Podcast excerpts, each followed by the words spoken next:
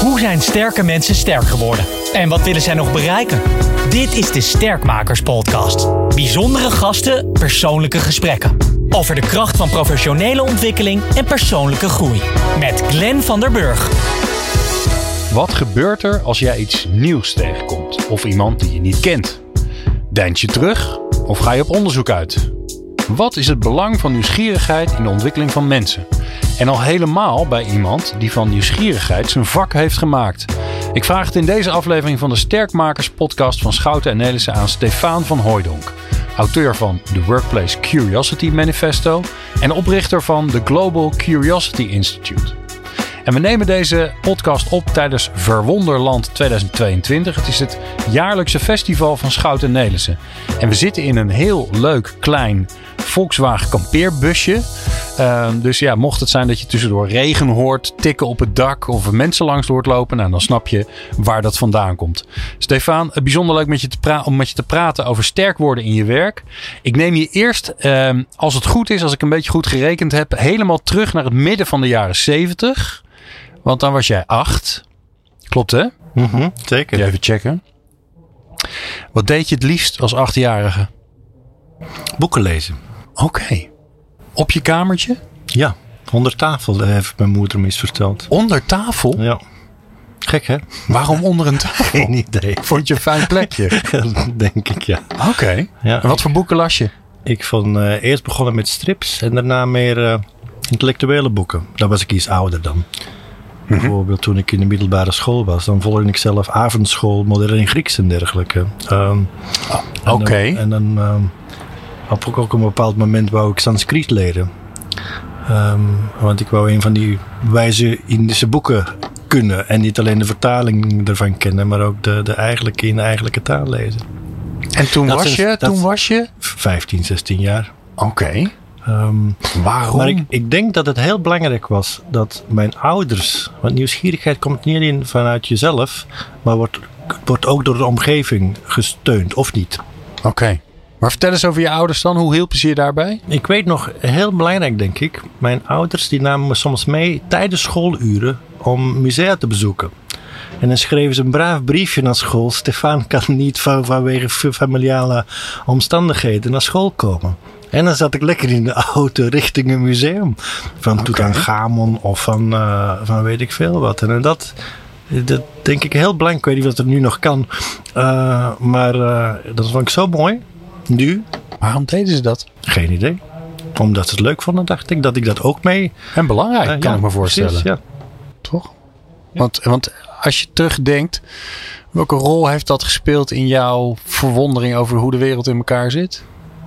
Ik denk heel veel. Want zij waren er bijvoorbeeld niet op tegen toen ik 17 was. Dat ik met vrienden naar Griekenland ging voor een hele maand. Of toen ik 18 was, ging ik liften in mijn eentje. Voor 2,5 maand door, door Griekenland, Turkije en dergelijke. En zij, zij steunen dat gewoon. Hmm. Eh, zij Bijzonder, lieten toch? me los. Eh, dat was in de tijd voordat je gsm had of Facebook en dergelijke. Ik Ja. weet nog dat ik, ik ben er nu een beetje beschaamd over, dat ik maar twee kaartjes, aanzichtkaartjes st- opstuurde. Het duurde die hele tijd. Ik denk dat er ook wel heel wat momenten moeten geweest zijn toen we heel bezorgd waren van, wat gebeurt er nu eigenlijk? Of geen nieuws is goed nieuws. En nu is het eigenlijk andersom. Ja, Eh, nu Ja. verwachten mensen dat er constant nieuws is. mooi. Wat, wat, waar, wat had je voor ouders? Wat waren dat voor mensen? Mijn moeder had een eh, klein zaakje in Antiek. En mijn vader werkte op de haven. Haven, Antwerpen Haven in Antwerpen, Ja. precies, ja. Wat heb je van ze meegekregen? Alles. Van wie ze zijn? Ja. Ik ben, eh, ik ben zeker voor 50% van ja, wat ze mij gegeven hebben. En de rest op veel moet je zelf ook bij elkaar spro- sprokkelen en dergelijke. Maar er is wel heel, wel heel veel dingen die je aan, je aan de vorige generatie te danken hebt, denk ik. Ja. Ondernemerschap? Van je moeder Ook, dan? denk ik, ja. Ja? Ja. Ja, zou zij best kunnen. En, en speelde dan dat, dat ik zie dat eh, zeg maar, de, de zaak van je, van je moeder met antiek zie ik vormen. Was je daar dan ook veel?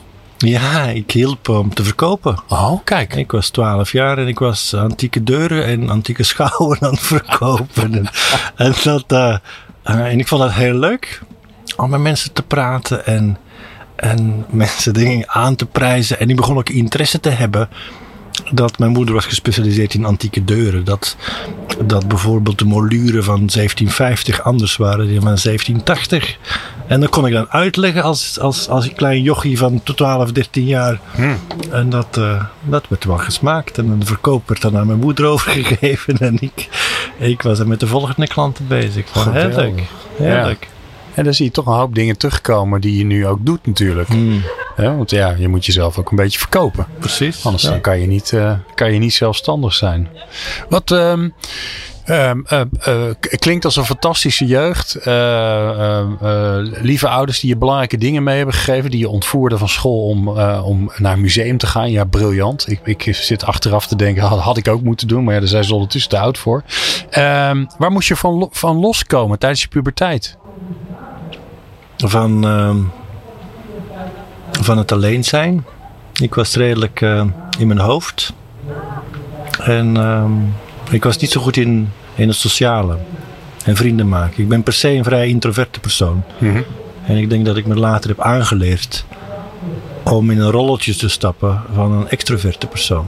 Dus ik mijn presentaties doe ik nu redelijk goed, denk ik, en dergelijke. Maar um, ik heb eens gehoord dat um, in Disneyland daar worden de mensen die er werken aangeraden van als je op gaat werken en je kostuumpje aandoet en dergelijke, dan zit je eigenlijk on stage. Ben je in een rol. En ik heb op mezelf ook altijd zo'n beetje, een beetje gezegd van ja, nu ben ik in mijn verkopersrolletje. En, en dat betekent dat ik ook niet helemaal zo moet zijn, maar dan zit ik in dat rolletje ben. Hmm. Dus dat moest ik zeker, zeker leren. Een goede, goede hulp voor mij is daar uh, de, de jeugdbeweging geweest, scouting. Oké. Okay. Uh, om daar met, uh, met andere jongens te rakken, te ravotten en samen te zijn. En iedereen heeft een eigen kwaliteit. En je leert elkaar te appreciëren op allerlei verschillende manieren. Sommigen zijn slim, sommigen zijn snel, sommigen zijn sterk, sommigen hebben andere kwaliteiten. En heel grappig, dit weekend gaan we met de oud-leiding terug uh, weg. En dan gaan we met allemaal 55-jarige mannen denken dat we terug 15 waren. Ah, super ervaring. Dan ga je weer het bos in. Ja, precies. Ja, wauw. Kan je je nog een, een, een leraar herinneren die, uh, die, uh, die je iets bij heeft gebracht? Wat is blijven hangen? Ja, ik denk, uh, ik, denk ik direct aan. en ik gebruik hem soms ook nog bij, bij passwords. Dan heb je soms van die vragen. nee, nee, nee, maar. En dat was mijn leraar Grieks van in de middelbare school. En die was niet alleen een heel goede lesgever, die bracht echt het beste uit in mensen, um, cognitief, intellectueel.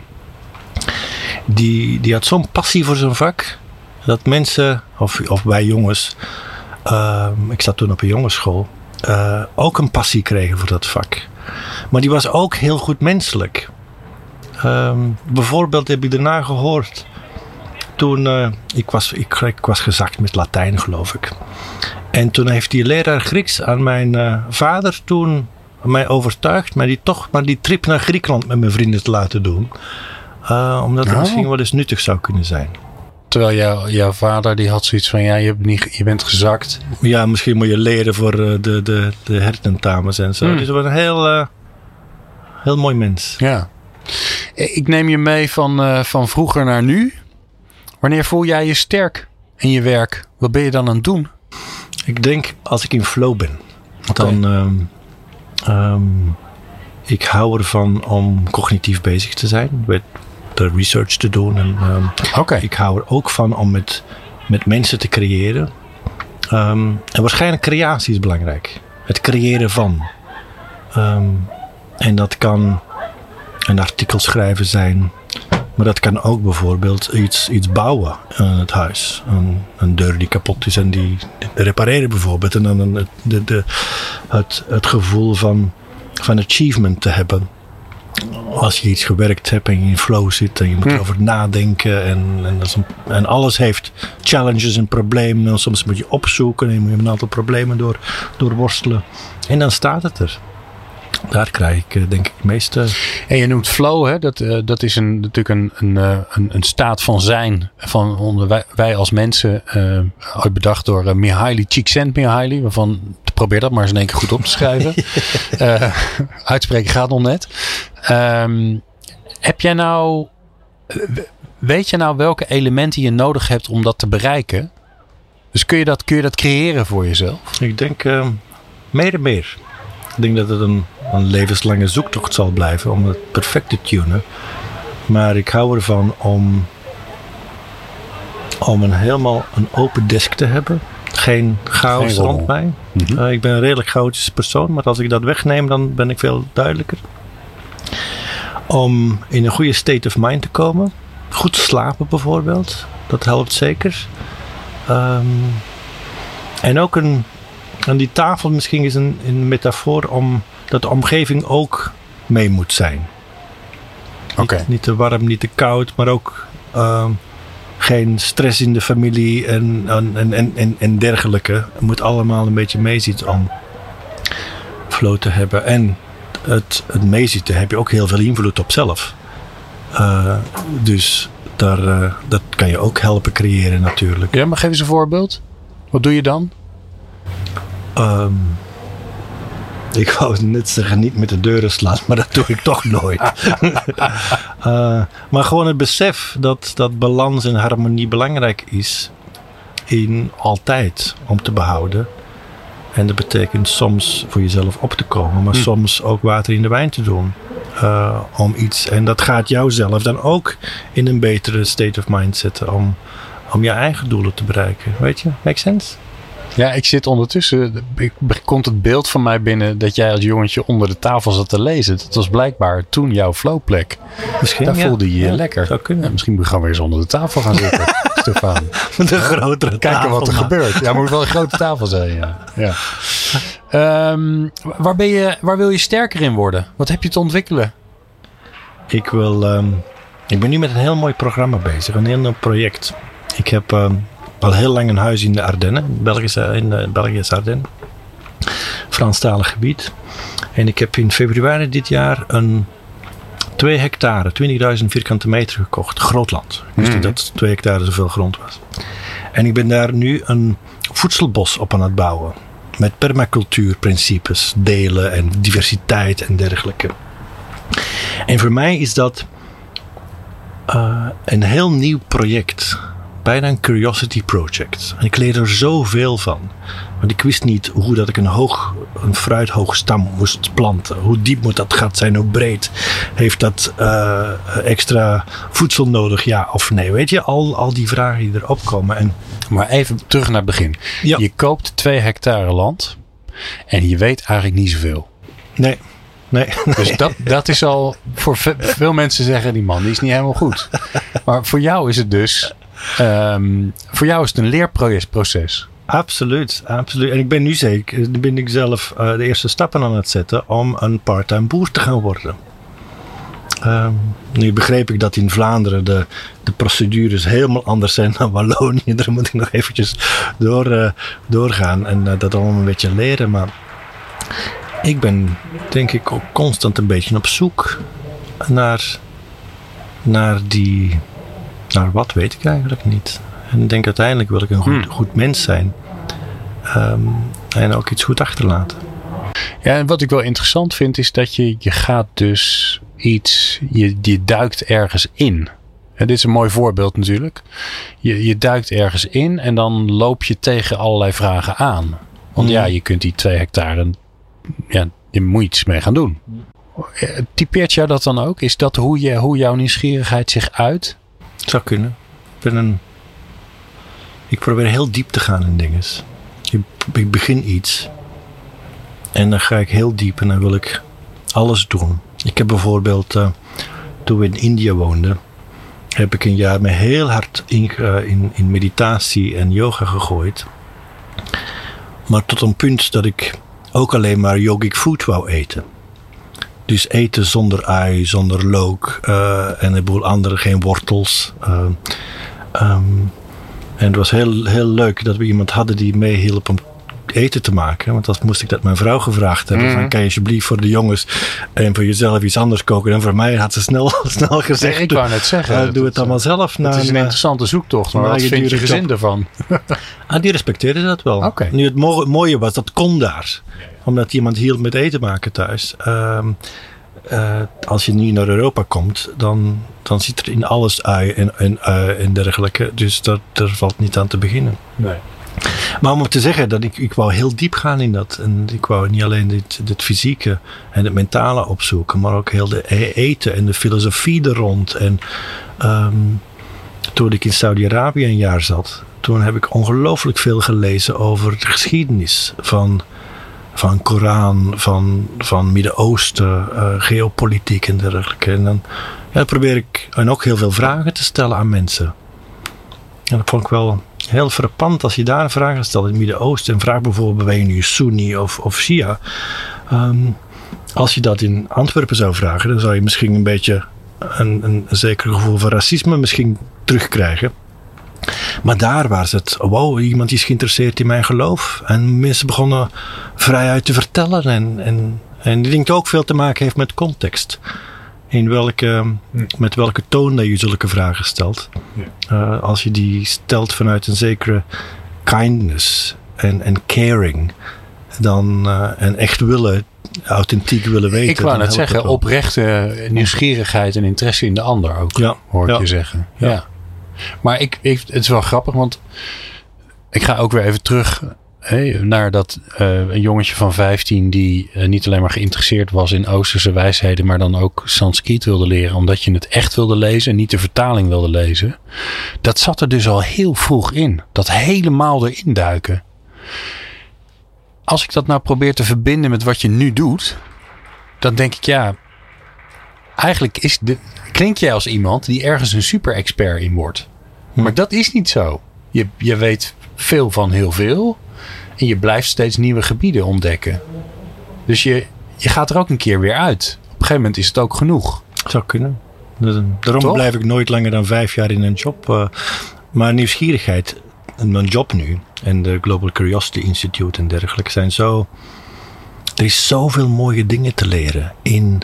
En er is zo weinig research, onderzoek gedaan naar het concept van nieuwsgierigheid op de werkvloer. Hoe dat dat bedrijven maakt of zelfs breekt. eh, hoe dat dat eh, carrières maakt of breekt en dergelijke. Ik ben er voorlopig ongelooflijk gepassioneerd door. En, Hoe ben je erbij gekomen? ik, ehm, ik was voor heel lange tijd Chief Learning Officer, hoofd van opleidingen voor grote bedrijven. En ik kwam altijd mensen tegen. En in die rollen heb je een heel mooie neutrale, neutrale rol in een organisatie. Eh, en heel veel mensen vragen je om hen te coachen of te mentoren, direct of indirect. Of, eh, soms moet dat zelfs niet zo gearticuleerd worden. En dan zie je dat een heleboel mensen in, in sommige mensen in bedrijven, die hoeven helemaal niet getraind te worden. Want die zijn al verder. En ik heb het, uiteindelijk heb ik een A-spelers genoemd. Mensen die dat geen schrik hebben om constant domme vragen te stellen. Uh, mensen die geïnteresseerd zijn in de wereld, in anderen en zichzelf. Mensen die niet, niet alleen mooie vragen hebben, nieuwe vragen hebben, maar ook eerst in, in de lijn staan om die vragen op te lossen en, uh, en te zeggen: ik wil er wel mee aan werken en dergelijke. En ik heb, uh, ik heb dat uiteindelijk A-spelers genoemd. En dan heb je B-spelers. Mensen die iets, iets um, waarschijnlijk uit hun rugzak verloren hebben vanuit hun kindsheid. Eh, of, of adolescence of puber of wel als in eerdere jobs of iets dergelijks. En meer wel willen leren, maar niet meer kunnen op een of andere manier Hmm. groeien. Hmm. Terwijl die A-spelers gewoon constant aan het lezen zijn, aan het YouTube aan het verkennen zijn en cursussen vinden. En die hebben heel die HR en learning and development niet meer nodig. Die, staan, die gaan wel naar de klasjes, maar gewoon omdat ze gewoon genuinely interested zijn, echt geïnteresseerd zijn. En wat het verschil tussen die A en B-players is eigenlijk intentionele nieuwsgierigheid. En ik heb een mooi groot project gedaan binnen, binnen mijn oud bedrijf Cognizant, waar ik 15.000 man heb getraind in nieuwsgierigheid. En de, waren, de resultaten waren fenomenaal. En dan heb ik eigenlijk die, die mooie job opgegeven. En zei van, dit is zo mooi, die statistieken en die numbers. En die, die, die resultaten die we mee behaald hebben. Daar moeten, we, daar moeten veel meer bedrijven en veel meer professionals van, van kunnen genieten. En, en ik wil ook veel meer research doen in dat gebied. Um, maar ik hoor je dus zeggen... Ik was, ik, ik ben lang bij verschillende organisaties verantwoordelijk geweest voor het, voor het leren. En eigenlijk zag ik het belangrijkste wat er nodig is om te leren. En dat is namelijk dat mensen weer nieuwsgierig durven te zijn. En een aantal mensen heeft het afgeleerd. Uh, omdat ze denken dat ze. Ja, waarom, waarom hebben ze dat eigenlijk afgeleerd? Voordat ik het zelf invul. Laten we dat eventjes bekijken door het tegengestelde van nieuwsgierigheid. Voor mij is dat conformiteit. En er zijn twee soorten conformiteit. Conformiteit die we onszelf opleggen en de conformiteit die de omgeving ons oplegt. Conformiteit die, die we onszelf opleggen is omdat de wereld een beetje te moeilijk is. Wij willen de wereld simpeler maken. Mhm. Wij willen um, de wereld uh, controleerbaarder maken en ook voorspelbaarder. En daarom nemen we bijvoorbeeld altijd dezelfde weg naar ons werk. Kiezen we vaak dezelfde. Je begint te lachen, dus ik veronderstel dat dat bij jou ook oh, zo ja, is. Zeker, ja. Uh, of dan kiezen we vaak hetzelfde gerecht op het menu in ons uh, restaurant waar we vaak komen. Of uh, eten we vaak lunch met dezelfde collega's dag na dag. een soort echo, echo chamber. Um, en allemaal gericht om onze acties en onze gedachten niet te hard te moeten om, om, omver te gooien. En dan een andere conformiteit is de omgeving die dat aan, ons aandoet. En, en wij gaan er graag op in, want wij willen als individuen, wij willen erbij horen. Wij willen gezien worden als een loyale medewerker of een deel van het teamachtige zaken. En daarom gaan we vaak onze vinger niet opsteken en zeggen van jongens, we zijn hier fout bezig. Um, omdat dat past niet in dat plaatje. Hmm. Dus heel veel mensen hebben, zitten vaak in dat stramien. Um, en dan stress is bijvoorbeeld ook een heel, heel, heel, heel mooie barrière-creator voor, uh, voor nieuwsgierigheid. Klein beetje stress is goed, maar als je te veel stress hebt, dan zit je in een fight or flight. Um, en dan ben je niet geïnteresseerd in morgen of wat zou kunnen zijn dan ga je gewoon met je kop uh, naar onder en dan doe je het hoogst nodige om door vandaag te komen. En dan heb je niet ra geen ruimte meer om te ontdekken wat er nog meer is. Precies. Nieuwsgierigheid heeft beide tijd en ruimte nodig. Uh, dat zijn nou precies de twee dingen waar we niet zo heel goed in zijn om dat te organiseren in een organisatie. Ja. En daarom bijvoorbeeld ruimte. Daarom op, als je op vakantie bent, dan ga je veel meer boeken lezen dan heb je de tijd en de ruimte. Ja. En dan ga je naar musea en dan ga je mensen ontdekken en ga je eens een ander gerecht uitkiezen van die menukaart. Uh, en, en daarom is nieuwsgierigheid zo, waar het is zo belangrijk dat het intentioneel is. Dat we erover bewust zijn en dat we er actief iets aan doen. Nieuwsgierigheid voor mij is zoiets als een spier. Hm. En een spier kan je trainen, maar een spier kan ook zijn kracht verliezen als je dat niet doet. Ja. Hoe lukt het jou om, dat, om het te blijven? Want ik kan me ook voorstellen dat jij. Uh, nou, op een gegeven moment word je overspoeld met aanvragen om voorlezingen, opdrachten. Hè? Dan gaat het goed, hartstikke goed. Maar voordat je het weet heb je druk en heb je geen ruimte meer. En dat is nou precies jouw vak. Dat is waar. Ik probeer, me, ik probeer een heleboel projecten te hebben, voor bijvoorbeeld dat voedselbos, om uh, tijd aan te kunnen spenderen en om nieuwe dingen te leren. Ik ben ook een, een redelijke perfectionist, denk ik. Elke presentatie maak ik anders. En daar, okay. daar wil ik tijd in. Dus vanochtend, ik heb je vanochtend een presentatie gegeven. En vanochtend om zeven uur was ik nog aan het veranderen. Omdat het is heel belangrijk dat ik, dat ik voel hoe de omgeving is. Hoe voel hoe dat ik uh, erin sta voor die dag. Uh, en dan een combinatie ja, dat, dat is meest à la, à la minuut moet dat dan ja. gekookt worden. En dat, dat vind ik ook wel leuk, dat het geen sleur wordt. Dat ik ook, ik lees veel, ik research veel, dat ik ook wat ik twee dagen geleden nog gelezen heb, dat er ook mee kan komen. En zo lukt het je om ruimte te houden? Ik denk het, ja. ja. Voorlopig, touchwood. Nee. Je houdt. Ja, ja, ja, het is gelijk een soort, uh, soort contract met jezelf dat je afsluit. Um, ik neem je mee naar de toekomst. Het duurt nog even, uh, maar we zijn op je tachtigste verjaardag. Hmm. Je vrienden, je familie, je gezin, uh, ze zijn er allemaal om, om te vieren dat je 80 wordt in goede gezondheid. En er wordt ook gespeecht. Uh, over jou, maar natuurlijk ook aan jou. Over wat je betekend hebt voor de mensen eh, in je leven, maar ook in je werk. Wat hoop je dat er gezegd wordt? Hmm. Dat gaat wel heel diep. Ja. Ik gebruikte deze oefening ook in managementopleidingen. Mensen hadden er altijd problemen mee. En ik heb er snap ook- nu waarom. ja, ja. Ehm, en wat ik ga zeggen, wat ik hoop dat ze gaan zeggen, is natuurlijk iets helemaal, helemaal anders. Maar wat ik hoop dat ik ga zeggen, denk ik dat ik, eh, dat ik er was voor hen. Ehm, en ook voor- dat ik ook voor, voor hen zorgde. Mooi. Hmm. Er is ook nog een jarenlange zakenrelatie van je. Dat ik fair was. Fair. Hm. Wat bedoel, wat bedoel je daarmee? Dat ik nooit ehm, misbruik heb gemaakt van de relatie, van de, van de contracten, van het geld of iets dergelijks. Welk advies zou je geven als je jezelf advies zou kunnen geven? Met wat je nu weet en kunt. Maar je, bent wel, je geeft advies aan jezelf toen je twintig was. Hier een coachinggesprek. Ja, hè? bijna wel. Een heel mooi, heel mooie vraag. Eh, leer meer. Echt waar? Ja. Zelfs hoe jij in elkaar zat? Ja, er is zoveel kennis. En elke dag en elke film of nutteloos uurtje dat je spendeert is, is a waste of time. En dat betekent niet dat je altijd productief moet zijn. Je mag uit het raam gaan kijken. En, en to watch the world go by. Hm. Dat is ook po- positiviteit. Maar spendeer de tijd alleen maar met nuttige dingen. Maar het klinkt alsof leren het doel van het leven is dan.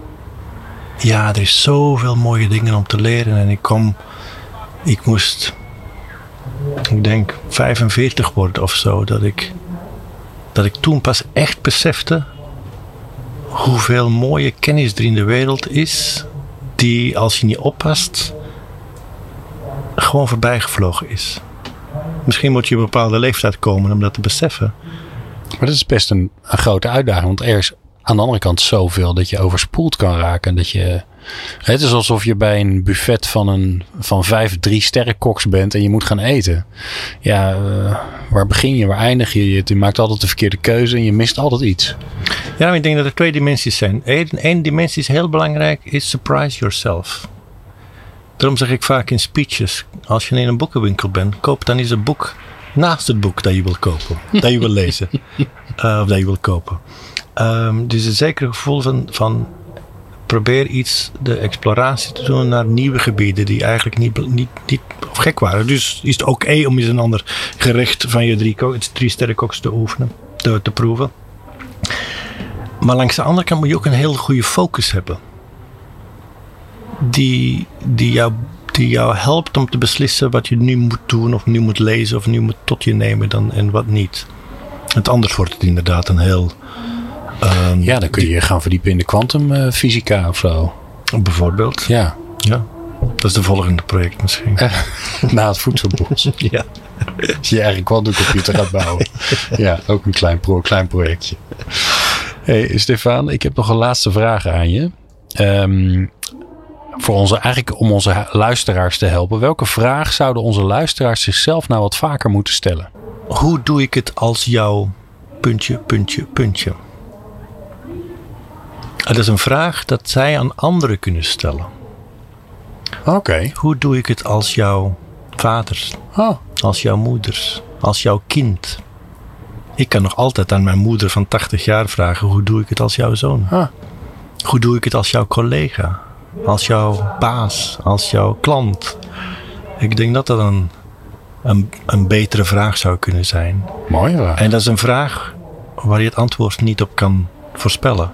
Nee. En het is toch een vraag die je, die je heel veel kan leren. En die je relatie waarschijnlijk ook beter maakt. Doordat je je een beetje weerbaar op of, of, of, of opstelt. Als Kwetsbaar opstelt, kwetsbaar ja. opstelt, ja. Prachtige vraag. Stefan van Hooijdonk, onder meer zeg ik er maar bij, want je doet zoveel dingen. eh, Founder van het Global Curiosity Institute en natuurlijk eh, sinds kort eh, boer van een eh, voedselbos. Dankjewel voor het mooie gesprek. En jij bedankt voor het luisteren. Super, dankjewel. Bedankt voor het luisteren naar de Sterkmakers podcast. Hopelijk heb je er nieuwe energie van gekregen. Maar echt sterker word je door er iets mee te doen. Dus waar wacht je op? Aan de slag! Meer podcasts vind je op jouw favoriete podcast-app door te zoeken op de Sterkmakers podcast. Bezoek ook onze website sn.nl/podcast voor alle informatie over de Sterkmakers podcast.